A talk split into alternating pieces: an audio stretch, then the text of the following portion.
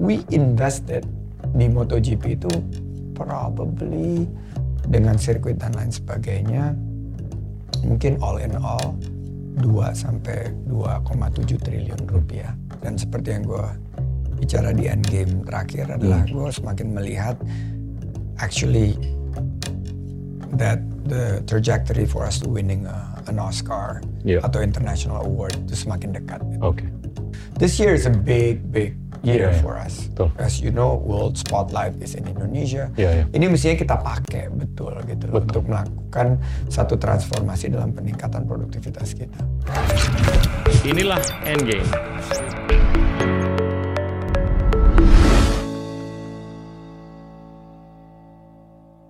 Halo teman-teman, hari ini kita kedatangan Bapak Sandiaga Uno selaku pimpinan atau menteri dari Kementerian dan Badan Pariwisata dan Ekonomi Kreatif.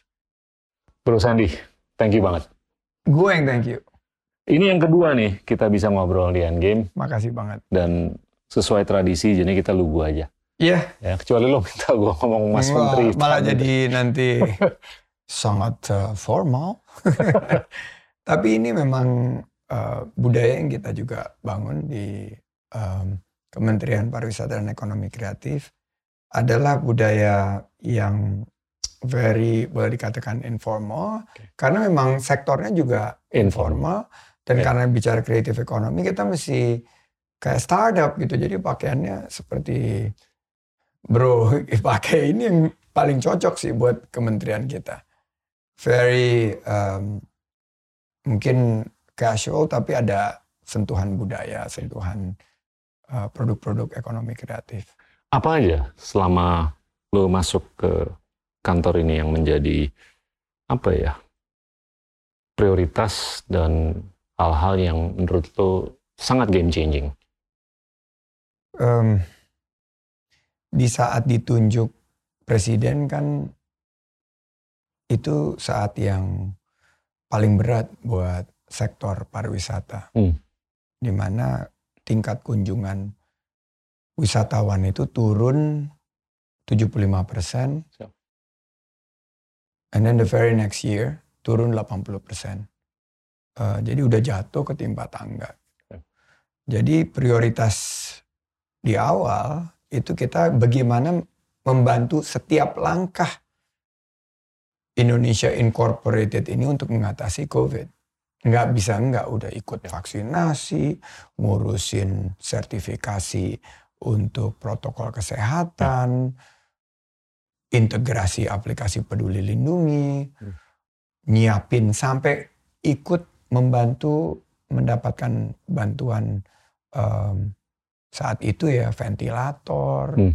Jadi ya waktu Yap. saat itu kan memang benar-benar lagi keadaan darurat. Yap. Jadi sektor kita itu ikut membantu penanganan pandemi. Nah setelah itu baru kita mulai melihat apa nih yang possible kita lakukan untuk recovery.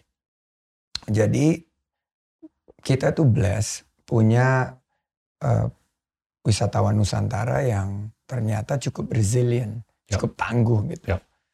Jadi eh, wisatawan Nusantara yang carry much of the heavy lifting. Jadi yang mengisi hotel walaupun dalam keadaan tingkat keterhuniannya itu di bawah 50% tapi wisatawan Nusantara yang mengisi. Hmm. Juga mereka walaupun tidak bisa mendapatkan room rate yang Hmm. eh, harganya di sekitar ideal untuk wisatawan mancanegara paling tidak bisa menggeliat dan berputar. Hmm. Dan menariknya wisatawan Nusantara ini eh, bisa menjangkau eh, destinasi itu bukan hanya dengan eh, penerbangan karena penerbangan sangat terbatas Iya, saat itu dan saat itu mobil, juga maksudnya. em, Hmm. syarat-syarat penerbangan kan luar biasa, Rumit, ya. mesti PCR.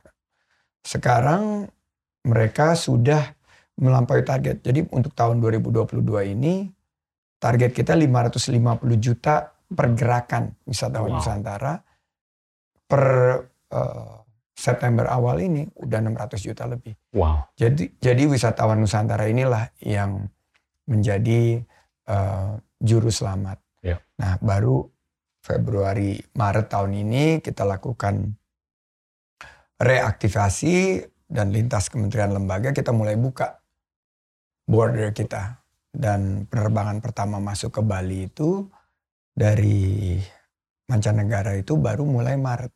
Yep. Tapi per hari ini uh, kita sudah menunjukkan recovery yang sangat signifikan. Yep. Jadi wisatawan mancanegara juga dapat dan dari wisatawan mancanegara yang nggak kita perkirakan gitu. Yep. Dari Dulu mana? kan kita perkirakan itu wah kembali lagi China, Yep. kembali lagi dari Jepang, Yep. dari Korea, dari Hmm. eh, top 10 itu berubah total. Sekarang paling atas Australia. Wow. Australia dulu nomor 5. Hmm. sekarang top 5 ada Indianya. Dulu India nggak ada gitu. Walaupun nggak ada penerbangan langsung. Jadi gue ngelihat ini banyak blessing in disguise. Hmm. Eh, Banyak lesson learned. Banyak eh, juga mungkin kalau kita bilang bahwa transformations yang penuh dengan serendipity gitu. Yep. Eh, kita nemu sesuatu yang wow ternyata Hmm. kita punya ini. Wisata berbasis alam, wisata berbasis uh, budaya, nature and culture, quality tourism, sustainability focus. Dan ini yang akhirnya merewrite Ya. uh, pariwisata Indonesia ke depan. A- apa menurut lo yang lo temukan dalam konteks wisata lokal yang bisa diberdayakan untuk wisata internasional? Ternyata Hmm. Yang pandemic winners dan ini juga random walk terus Iya. d- nemu gitu loh Hmm. di bulan ketiga itu desa wisata. Keren. Jadi ternyata kita di 85 ribu desa ini ada sekitar 7.500 yang punya daya tarik wisata Oke. dan punya produk-produk ekonomi kreatif yang menunjang. Nah kita mapping, Yep. terus sekarang udah ada 4.000 yang teridentifikasi, kita masukin ke big data, kita kerjasama sama technology providers, kita lihat eh, pergerakan dari heat map dan lain sebagainya. Di tengah-tengah pandemi mereka justru naik 30%. Wow. Destinasi lain nyusruk gitu. Des- desa wisata itu naik 30% Hmm. dan memberikan satu pengharapan terbukanya lapangan kerja, Hmm. menggeliatnya ekonomi desa, Ya. dan akhirnya kita ambil satu kebijakan untuk memberikan apresiasi berupa anugerah desa wisata kepada 50 terbaik. Dilihat Dari dari 7.500. dari tujuh dari 7.500 total, yang 4.000 yang sudah terdata, kita masih perlu 3.500 lagi yang harus masukin ke big data. Nah ini Ya. yang kita pilih tiap tahun 50-50 dan Keren. ketemu yang world class world class gitu, air terjun bertingkat Iya, iya. yang kayak di em, Sulawesi Tenggara. Hmm. Kita nemu desa terbersih di dunia, desa penglipuran di Bali. Hmm. Ada desa yang menang menjadi desa wisata terbaik UN WTO, Desa Hmm. Ngelanggeran di Gunung Kidul. Ada wisata gua Di mana nih? di Gunung Kidul, Di Chief. Gunung Kidul. Jadi wow. eh, mereka ini yang dijual ini adalah eh, gunung berapi purba. Jadi kalau untuk para pencinta geopark gitu, Ya. mereka ya menjadi wisata edukasi gitu belajar. Keren. Dulu ternyata di zaman jutaan tahun yang Hmm. lalu bahwa Jawa itu eh, terendam air di daerah Ya, ya. Gunung Kidul dan akhirnya Ya. bentuk formasi batunya seperti ini. Dan kita punya kearifan-kearifan lokal yang akhirnya menopang itu. Keren. Jadi amazing. Em, sesuatu yang, karena kan Bali kan andalan kita. Iya, iya. Kita ini terlalu eh, dimanjakan dengan kekuatan Bali, Chief. Eh, lu big investor kan. Lu eh, you're not only a big small- fan of I'm Bali, tapi potato. you're an investor juga. Kita ini kalau bicara wisatawan mancanegara, semuanya itu terfokusnya di Bali. Betul. Nah ini yang sekarang Presiden ingin disebar ke lima destinasi eh, kita sebutnya super prioritas. Untuk menopang Bali yaitu Danau Toba, Borobudur, Mandalika, Labuan Bajo, dan Likupang. Siap, Empat nyokap siap. di Minahasa Utara. Siap. Tapi oke, sebelum kelima ini, Lu ngelihat secepat apa lu bisa memicu perkembangan di sisa dari 85 ribu? Karena ini keren banget nih. Kalau lu udah Iya. ngelihat 7.500. Kan kita paling lemah, gue kan sering ngobrol sama lu tuh kan paling Iya. lemah data kan. Iya. Jadi mungkin yang paling cepat untuk memicu adalah berkaitan dengan eh, pemutahiran data dari di mana mereka ada, Iya, iya. gimana caranya nyampe ke sana, promosi, Iya. kehadiran kita di sana, Hmm. bikinin konten digital. Showcasing produk-produk ekonomi kreatif. Karena kita ke sana nggak hanya melihat, gue nyebutnya rohali, rombongan yang hanya lihat-lihat, tapi gimana caranya mereka menjadi rojali, rombongan yang jajan dan beli produk-produk lokal gitu, Betul. sehingga lokal ekonominya ngangkat, UMKM-nya juga mendapatkan manfaat. Iya. Nah, feeling gue bahwa di 2024 gue sangat beruntung kalau misalnya 7.500 ini udah terdata. Iya. Terus sekitar mungkin nggak usah muluk-muluk lah. 500 aja yang sudah bisa jadi Gila. uh, local champion. Iya. Ini Jadi itu bang. every single 17 SDGs itu you Hmm. hit. The Sustainable Development Goals, Hmm. empowering poverty, gender equality, masalah kesehatan, masalah pendidikan itu dapat semua. Iya. Karena ekosistemnya itu terbentuk di sini. Iya, iya. And you have the local champion, Iya. you have the empowerment. Lu lihat local government gimana responsnya? Ini kan lu bisa boil each other up kan, Iya, supaya semangatnya tuh semangat. Dan Oh. rata-rata mereka semua semangat. Dan Oke. begitu mereka bilang, eh, ternyata di daerah kita ada ya kayak gini ya," iya. gitu. Dan mereka mendukung. Dan intervensinya nggak mahal-mahal kok, nggak ya, ya. bukan Benar. lu nggak ngomong triliunan gitu. Intervensinya adalah kolaborasi lintas pemerintah, ajak yang gede-gede kayak Astra, BCA, Siap. kasih pelatihan, pendampingan, Hmm. akses permodalan. Dan tiba-tiba mereka ada di level nasional gitu, diundang ke sini, suruh duduk di kantor kementerian, kepala desanya Hmm, berdiri, bangga. ke banget. kepala POK Darwisnya, kelompok sadar wisatanya duduk di, di kursi menteri. Waduh, Waduh, mereka udah ngerasa luar Selfie biasa sama gitu. lo. Selfie, sama lo posting udah Posting. selesai. terus kita amplifikasi dan akhirnya karena kan anggaran kementerian gue as you know kita kan semuanya COVID eh, refocus kan. Iya, iya. Jadi ya udah kita prioritaskan kepada kebijakan-kebijakan yang kita bisa deliver untuk memberikan aspek inclusivity. Hmm. Dan ternyata satu setengah tahun ini World Economic Forum eh, mengapresiasi dan kita jump 12 ranks Wow. dari posisi sebelumnya sekarang kita melampaui Vietnam, Malaysia dan for the very first time Thailand. Top. Jadi em, ternyata prioritizing eh, policies dan inklusivitas dari policies itu nilai kita tinggi banget. Ya. Dan tentunya keindahan alam Indonesia ya. karena destinasi-destinasi wis- eh, wisata kita itu ya is so beautiful. Ini kalau untuk kepentingan wisata lokal gue udah ngerti banget lah. Tapi ini kan duitnya ini bisa nambah kalau wisata internasionalnya kan bisa berkunjung ke masing-masing dari apakah itu 7.500, 85.000. Tapi ini mungkin berkorelasi dengan gimana menarasikannya kan. Ini banyak loh ketergantungan dengan orang lokal kan. Dan gimana mereka bisa menarasikan dalam bahasa internasional. Apa tuh yang bisa dilakukan? Dari Jadi- pusat dan dari daerah. Nah ini gue belajar dari Endgame bro.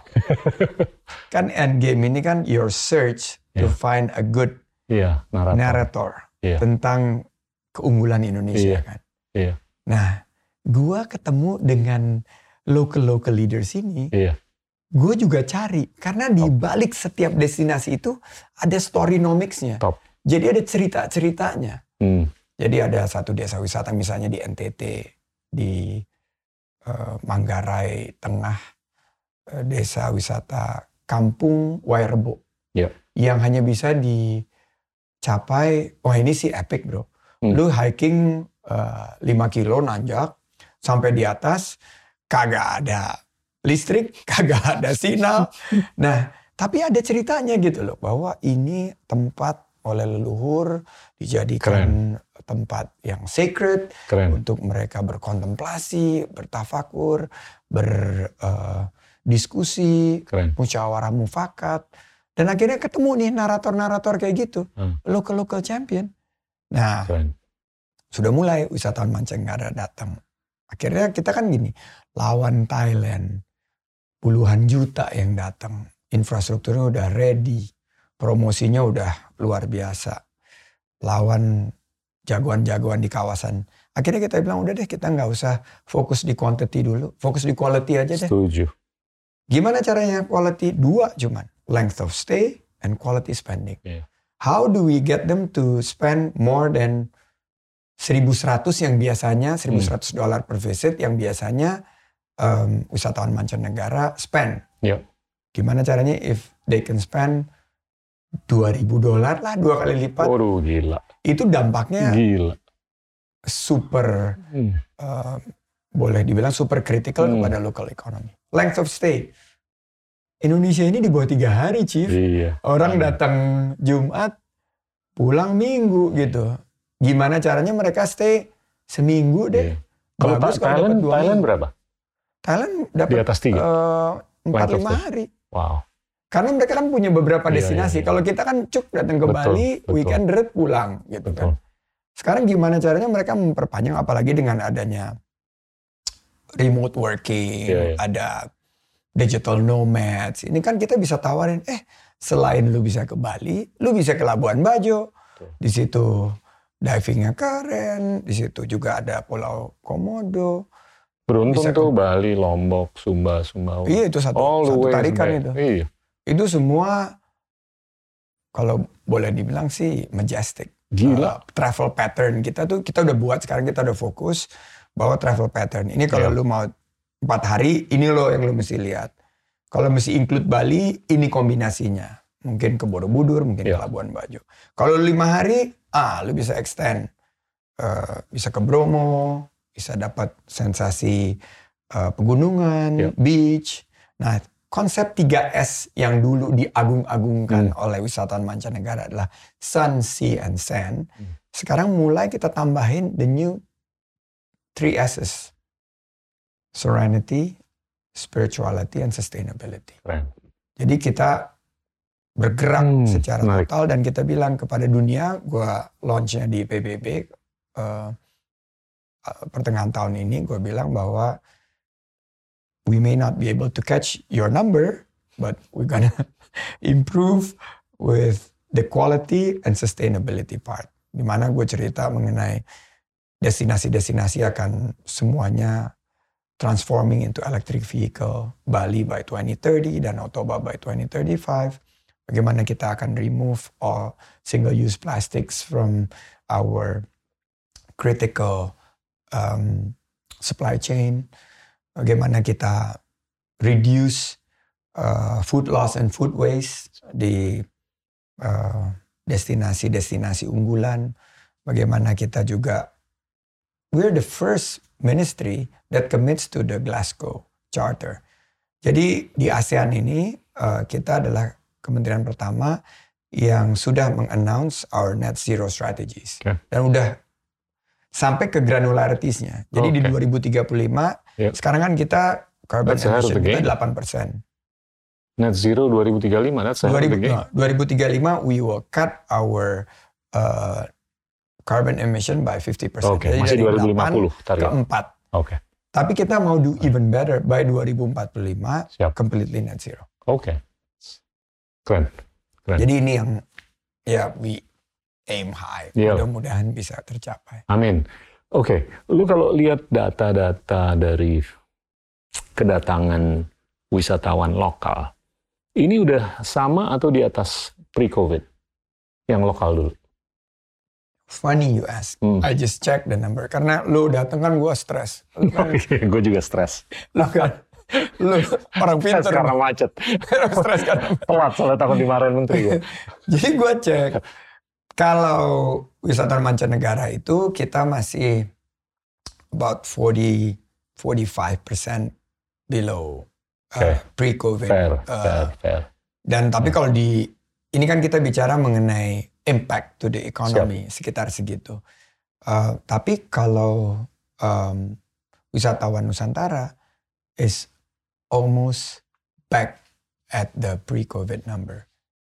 Tapi berubah, Chief, karena pre-COVID number itu kita kan ngandelin uh, pariwisata yang belum Betul. terlalu berkualitas. Betul. Nah sekarang dengan terobosan-terobosan, dengan big data, dengan local economic uh, creative products Hmm. yang uh, kita bisa tampilkan, dampaknya kepada local economies dan local communities itu meningkat. Jadi misalnya, uh, because you're a number guy, um, What makes you think so? kita ini aim eh, jadi kita dulu tuh aduh pariwisata kita itu em, dampaknya kepada GDP kok nggak naik-naik ya tapi ternyata setelah COVID kita juga Iya. beruntung wah at Iya. this number kita nggak terlalu terdampak seperti Thailand atau Philippines but we're now building with quality tourism we're now back at contributing pariwisata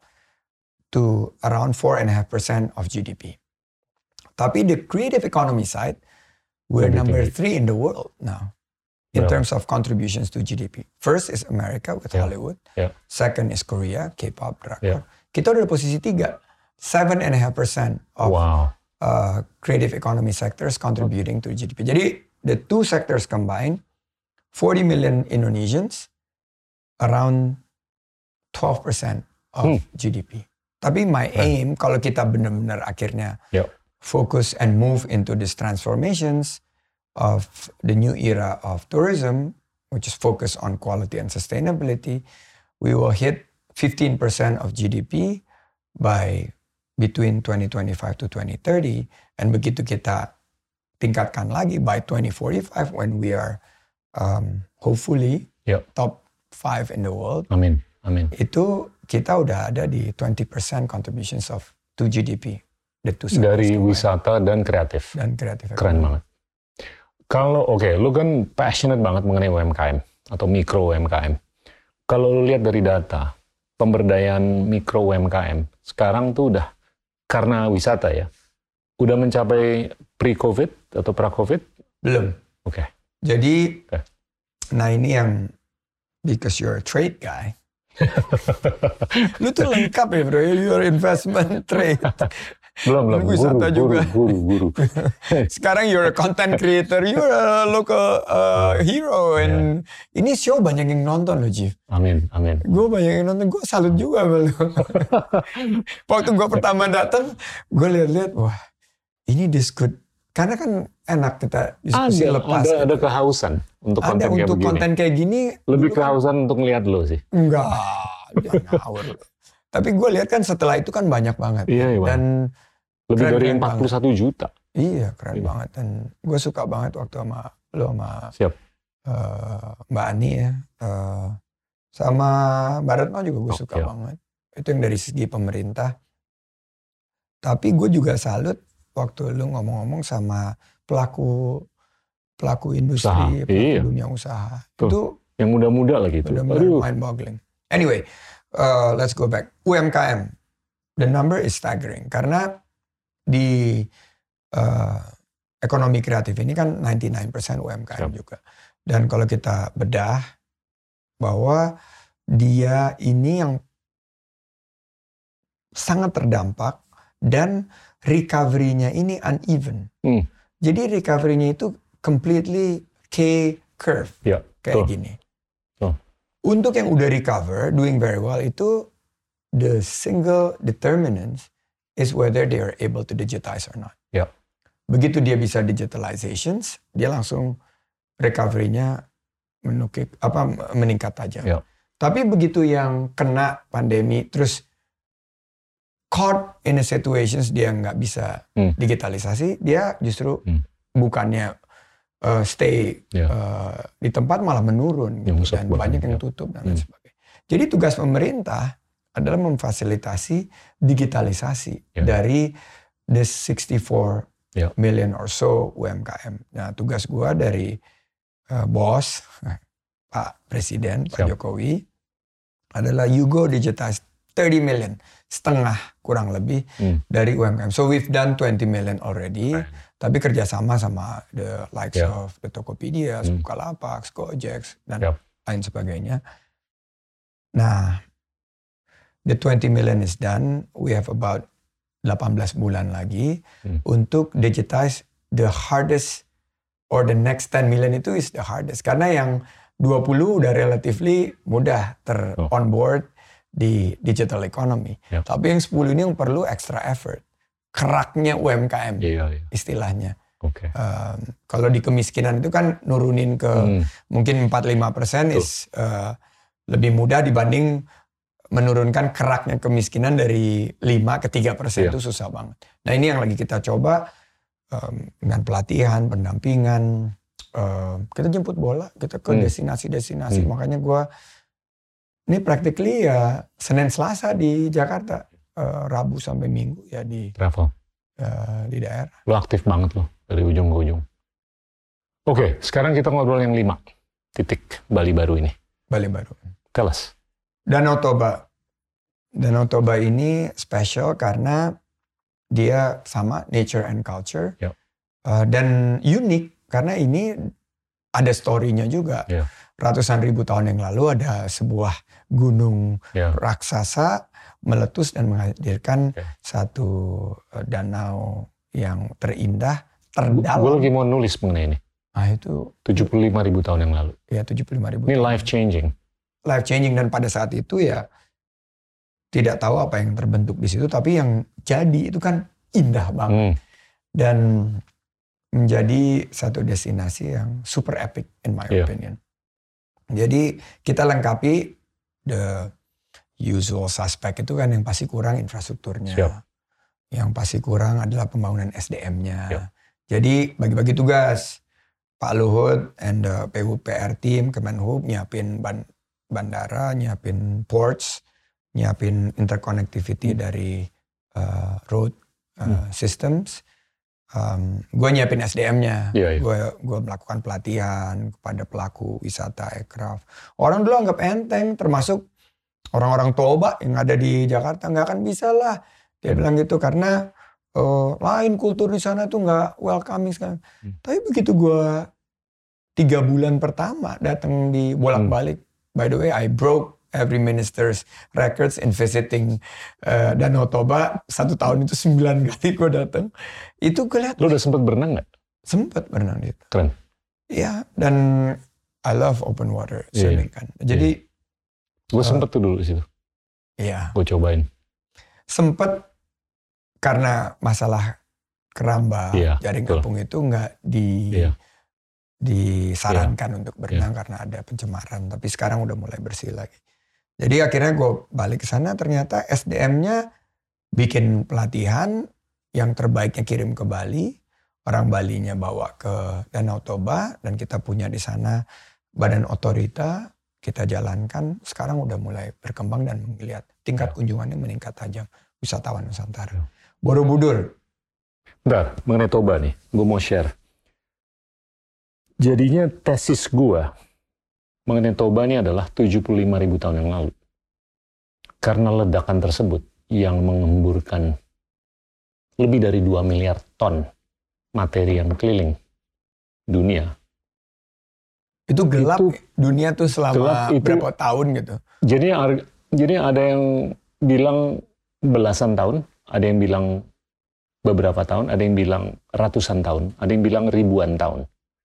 Dan itu populasi dunia turun ke 3.000 sampai 10.000. Dan ini gue bisa bilang peran Indonesia untuk mengreboot humanity. Satu-satunya terjadi dalam the history of mankind. Hmm. Karena 5.000 tahun setelah itu, 70.000 tahun yang lalu, terjadilah revolusi kognitif.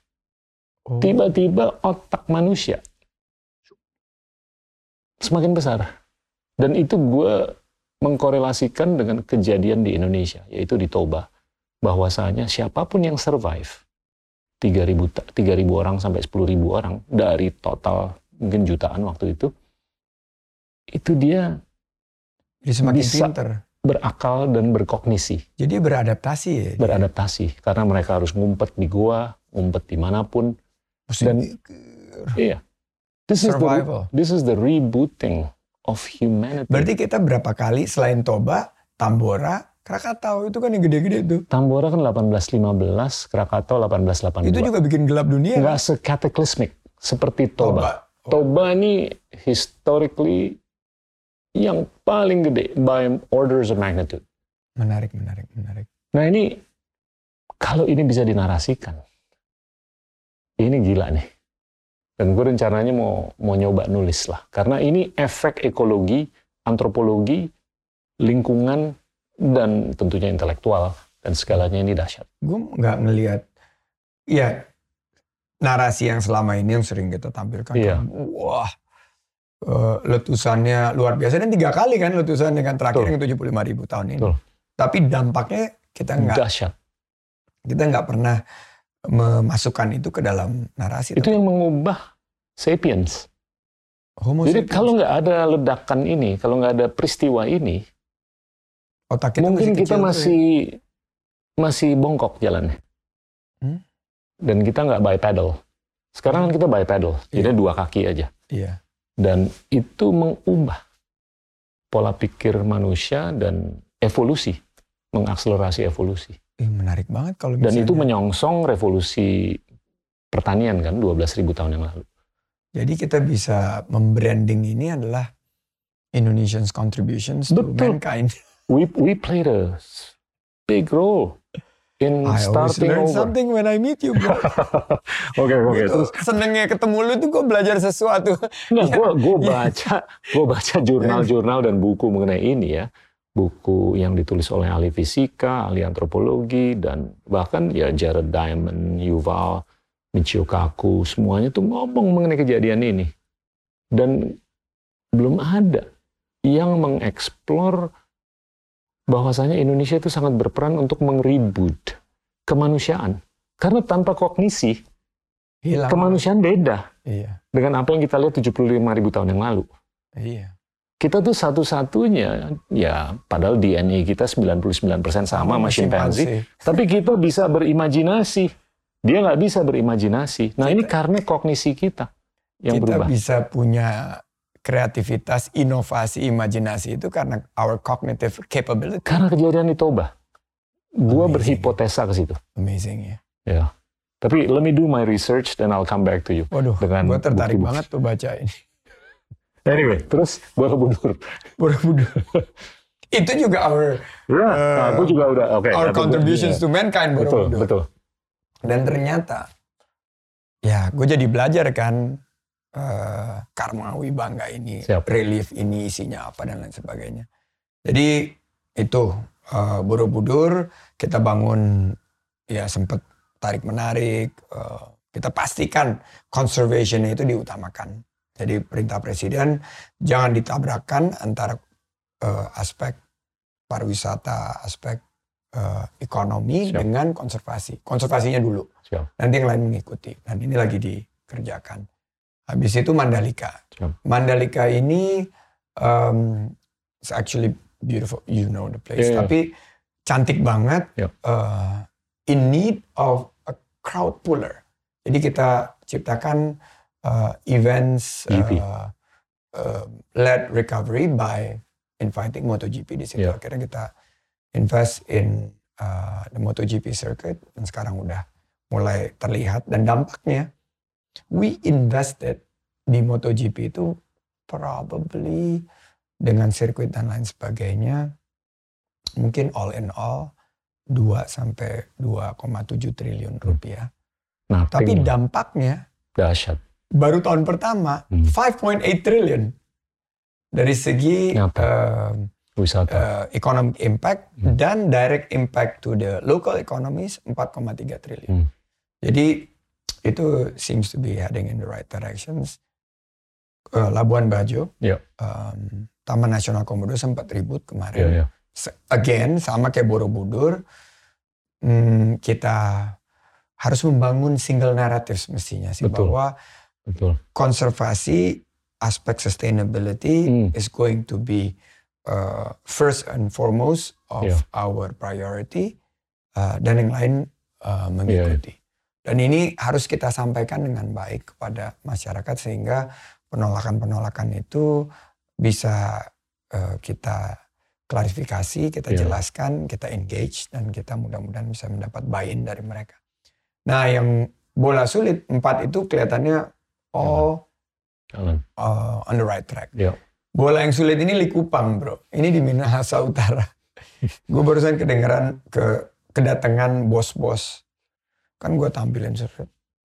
Ada yang nanya, itu Likupang di bagian mananya NTT ya?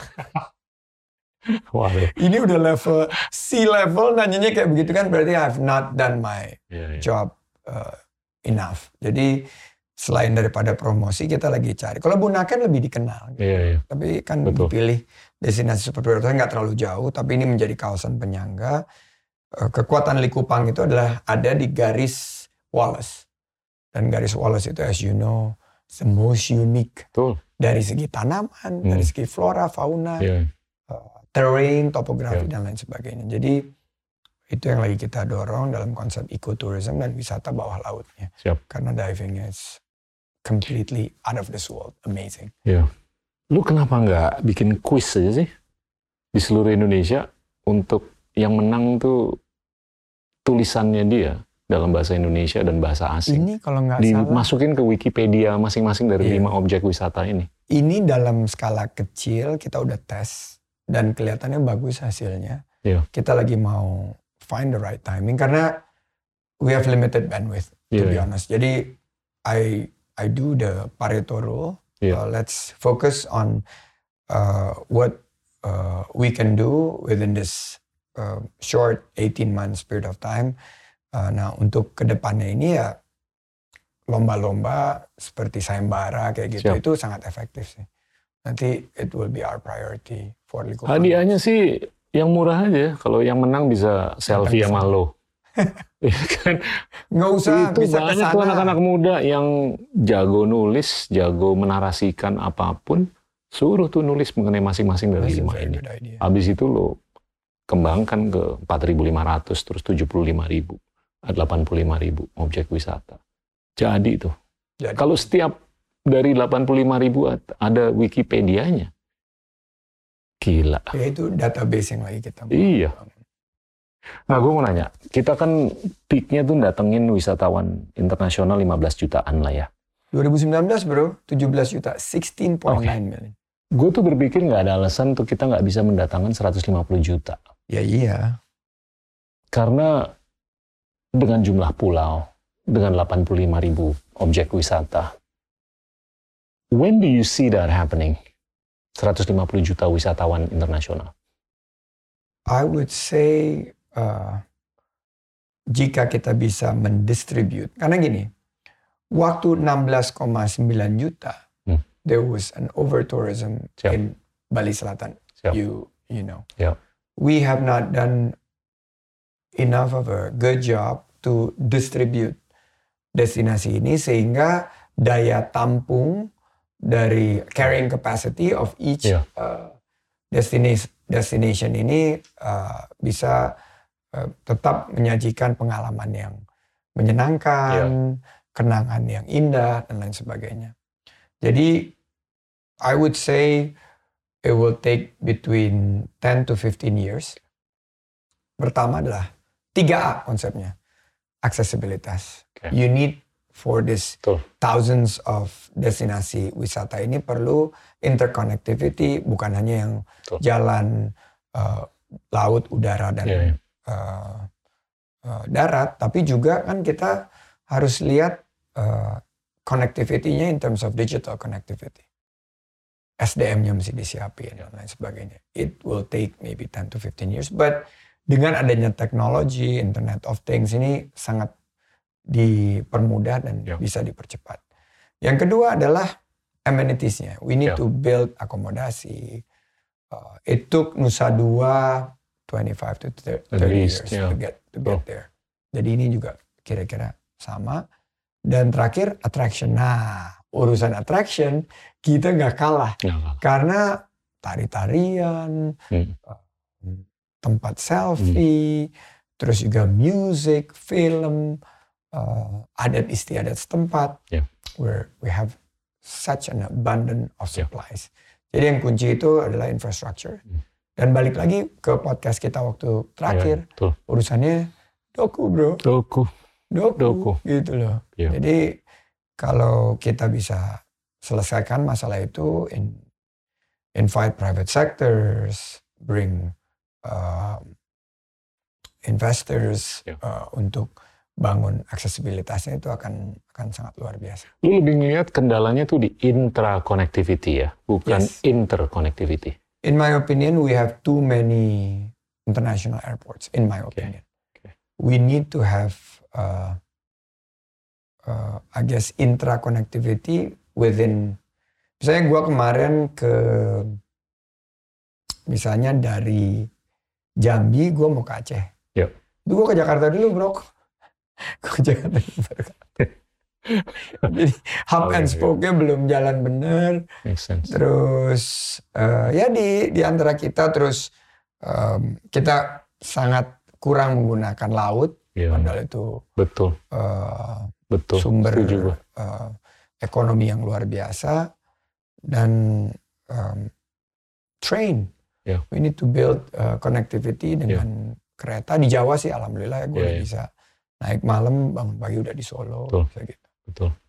Oke, ini kita ngomong sedikit deh ekonomi kreatif. Gue nih akhir-akhir ini kan cukup Intens. sibuk juga lah di ekonomi kreatif kan, di perfilman kan. Pandangan lu gimana sih mengenai perfilman ke depan? Wah gue sih ganggu banget, optimis, Oke. super optimis dan seperti yang gue bicara di endgame terakhir adalah gue semakin melihat actually that the trajectory for us to winning a- an Oscar Iya. atau international award itu semakin dekat gitu. Oke, dan kreativitas kita tuh gila, Iya. Chief, iya, gila banget gitu loh. Dan dengan adanya streaming services ini mendemokratisasi Iya. eh, s- segala sektor, Iya. terutama sektor film and uh, content. Iya. You suddenly uh, giving opportunities Hmm. for content creators untuk um, menjangkau peluang-peluang yang Hmm. sebelumnya tidak pernah uh, terpikirkan gitu. Dan film ini um, ada butuh penyesuaian regulasi to Hmm. make it more to give you guys more incentives Yep. supaya di Netflix tadi pagi gue sindir kan gue udah tiga tahun terakhir ini hook to your uh, platform tapi setiap malam gue lihat top 10 stream iya, itu isinya non Indonesian movie. Let's say non Indonesian betul, content gitu. Betul. mungkin ada satu kadang-kadang dua. Iya, iya, fotokopier. fotokopi Iya. which Bagus I watched twice. Oh. keren banget. Em, dan gue tuh pengennya konten-konten kita lebih jadi tuan rumah di Hmm. negeri sendiri. Jadi makanya waktu itu sekitar dua minggu lalu gue eh, lontarkan statement if we collectively kurangin nonton drakor satu nambah drabat drama Batak atau drasun drama Sunda atau drabal drama Bali ini Dragor, drama Dragor. Gorontalo. drama Gorontalo atau dra, dra- Manado, Draman eh, itu eh, neraca gua Ah, itu akan improve so Keren. significant. keren banget. Dan kalau mereka kurangin sedikit dengerin K-pop ganti ke D-pop, Iya. dangdut koplo, Iya. ini juga akan neraca gua akan jauh improve. Tapi dengan ini aja gua udah sangat bersyukur. gitu. Iya, iya. Jadi gue berharap uh, film kita akan benar-benar uh, dan kalau urusan horor, Chief, Aduh, ini film kita ini film yang udah benar-benar teruji di ASEAN. di Malaysia juara KKN Desa Penari, Pengabdi Setan 2 Communion, Ivana dan lain sebagainya. Jadi menurut gua kemungkinan besar gue gue pemenang mixed feelings gue mengenai pemenang horor. international award dari well for you it's mixed feeling tapi akhirnya I kept on telling the guys gitu loh when you see a big wave don't try to fight it but surf on it Iya, gimana caranya lu berselancar di atas. I know gue nggak bisa nonton horor, gue takut kan, gue deg-degan terus. Tapi bini gue senengnya horor. Jadi kita kalau nonton berdua, satu menikmati, satu tersiksa gitu. Eh. Tapi ya udah kejadiannya kayak begitu. You gue gue gak gue gue agak-agak jomo dengan horor. Jomo? Uh, nggak FOMO. Nggak FOMO ya? Nggak nggak terlalu. Tapi I, I can live without it. Tapi ya apa boleh buat lah. Agree. Nah oke, okay. Gue mau tarik ke depan nih. Gue ngeliat nih low hanging fruitsnya nih ada di sektor-sektor yang lo openin nih, yaitu wisata atau pariwisata dan ekonomi kreatif lu lihat nggak ada bukti-bukti yang tangible untuk kita tuh benar-benar bisa meningkatkan produktivitas?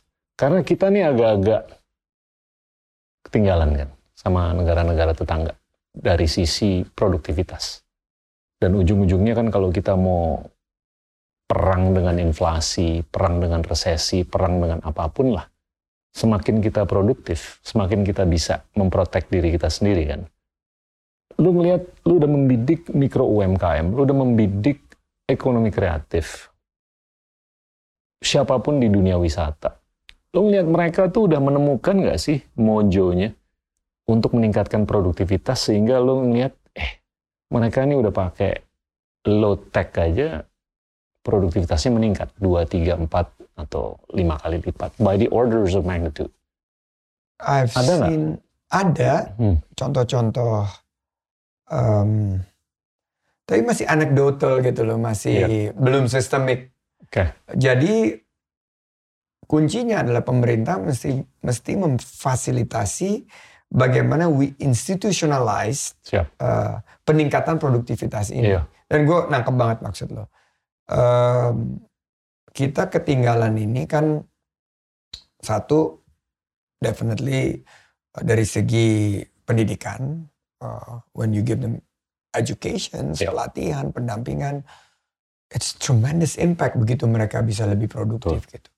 Dan technology plays a, such a huge role. Big Begitu you uh, expose them to technology, mereka dan ternyata emak-emak yang ketemu gue itu uh, kita nggak bisa anggap enteng gitu begitu mereka kan Betul. transformasi digitalnya juga fenomenal gitu dari tadinya pakai telepon cetung gitu tiba-tiba sekarang udah pakai Android yeah. terus bisa jualan pakai TikTok I mean it's it's amazing jadi uh, gimana caranya challenge-nya me uh, me convert yang tadinya anekdot anekdotal hmm. ad hoc yeah. Iya. uh, dan belum sistemik ini menjadi institutionalized yeah. dan di sini pemerintah plays uh, a role, tapi yang plays a bigger role is actually across pentahelix. Dunia usaha mesti ikut chip in, uh, institusi pendidikan, huge role in the institusi yeah. pendidikan,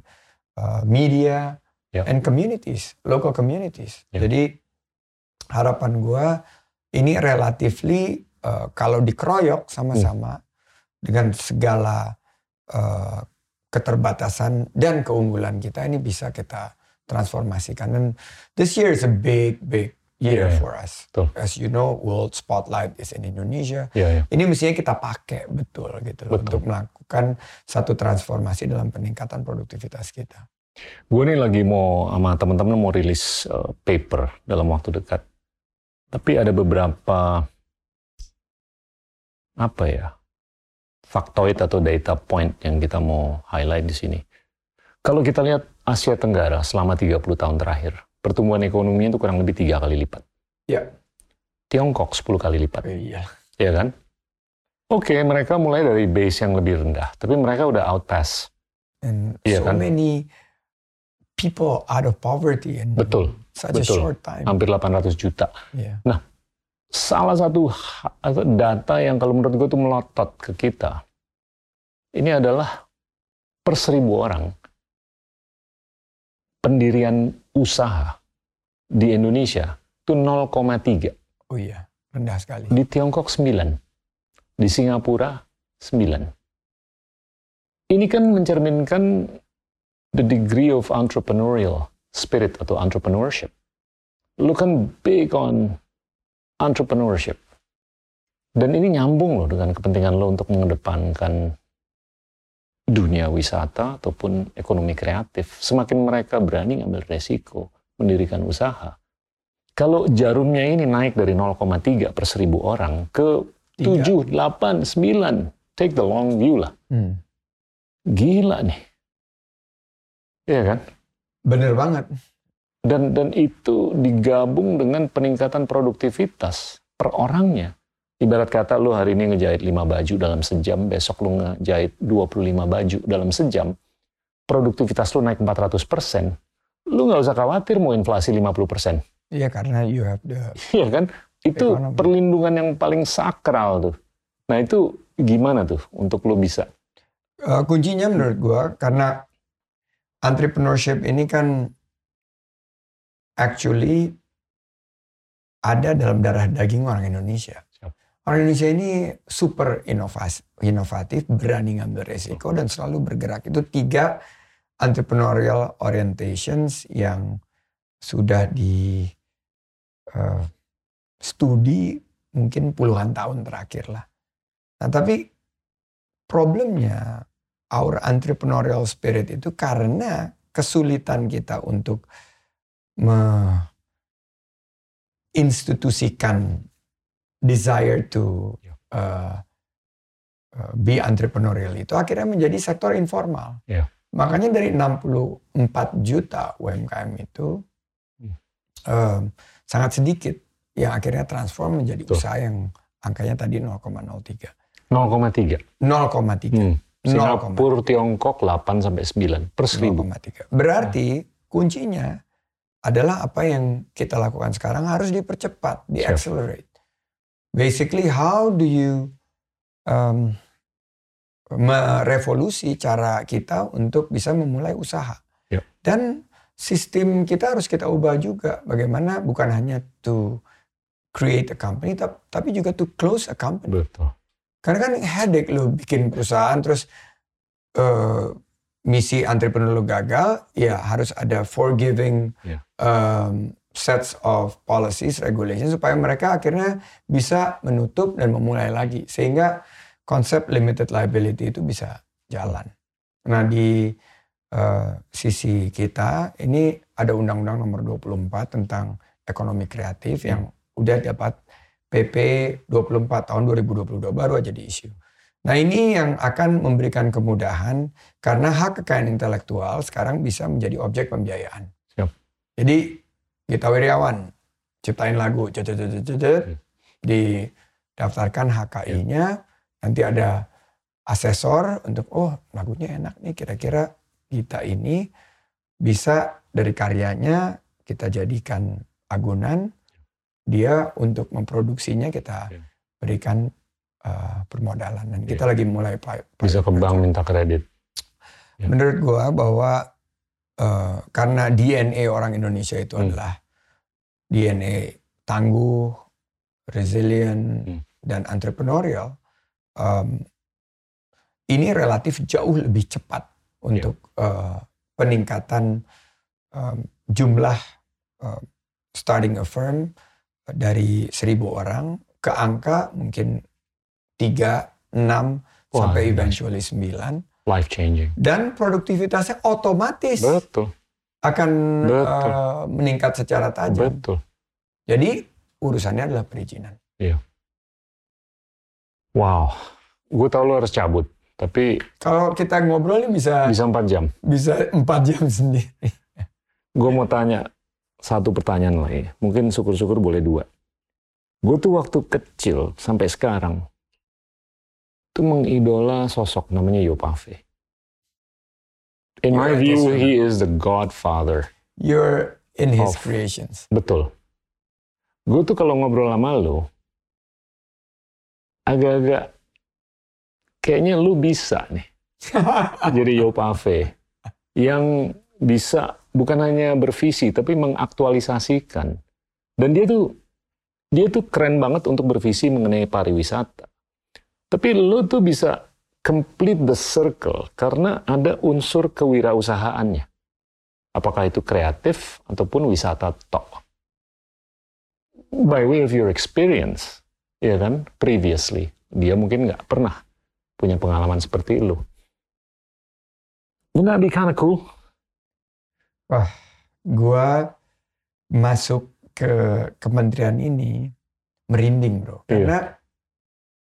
Ini lantai 16 ini Iya. adalah kantor dia. Iya. Dan dulu portfolio dia adalah pariwisata, pos, dan telekomunikasi. Siap.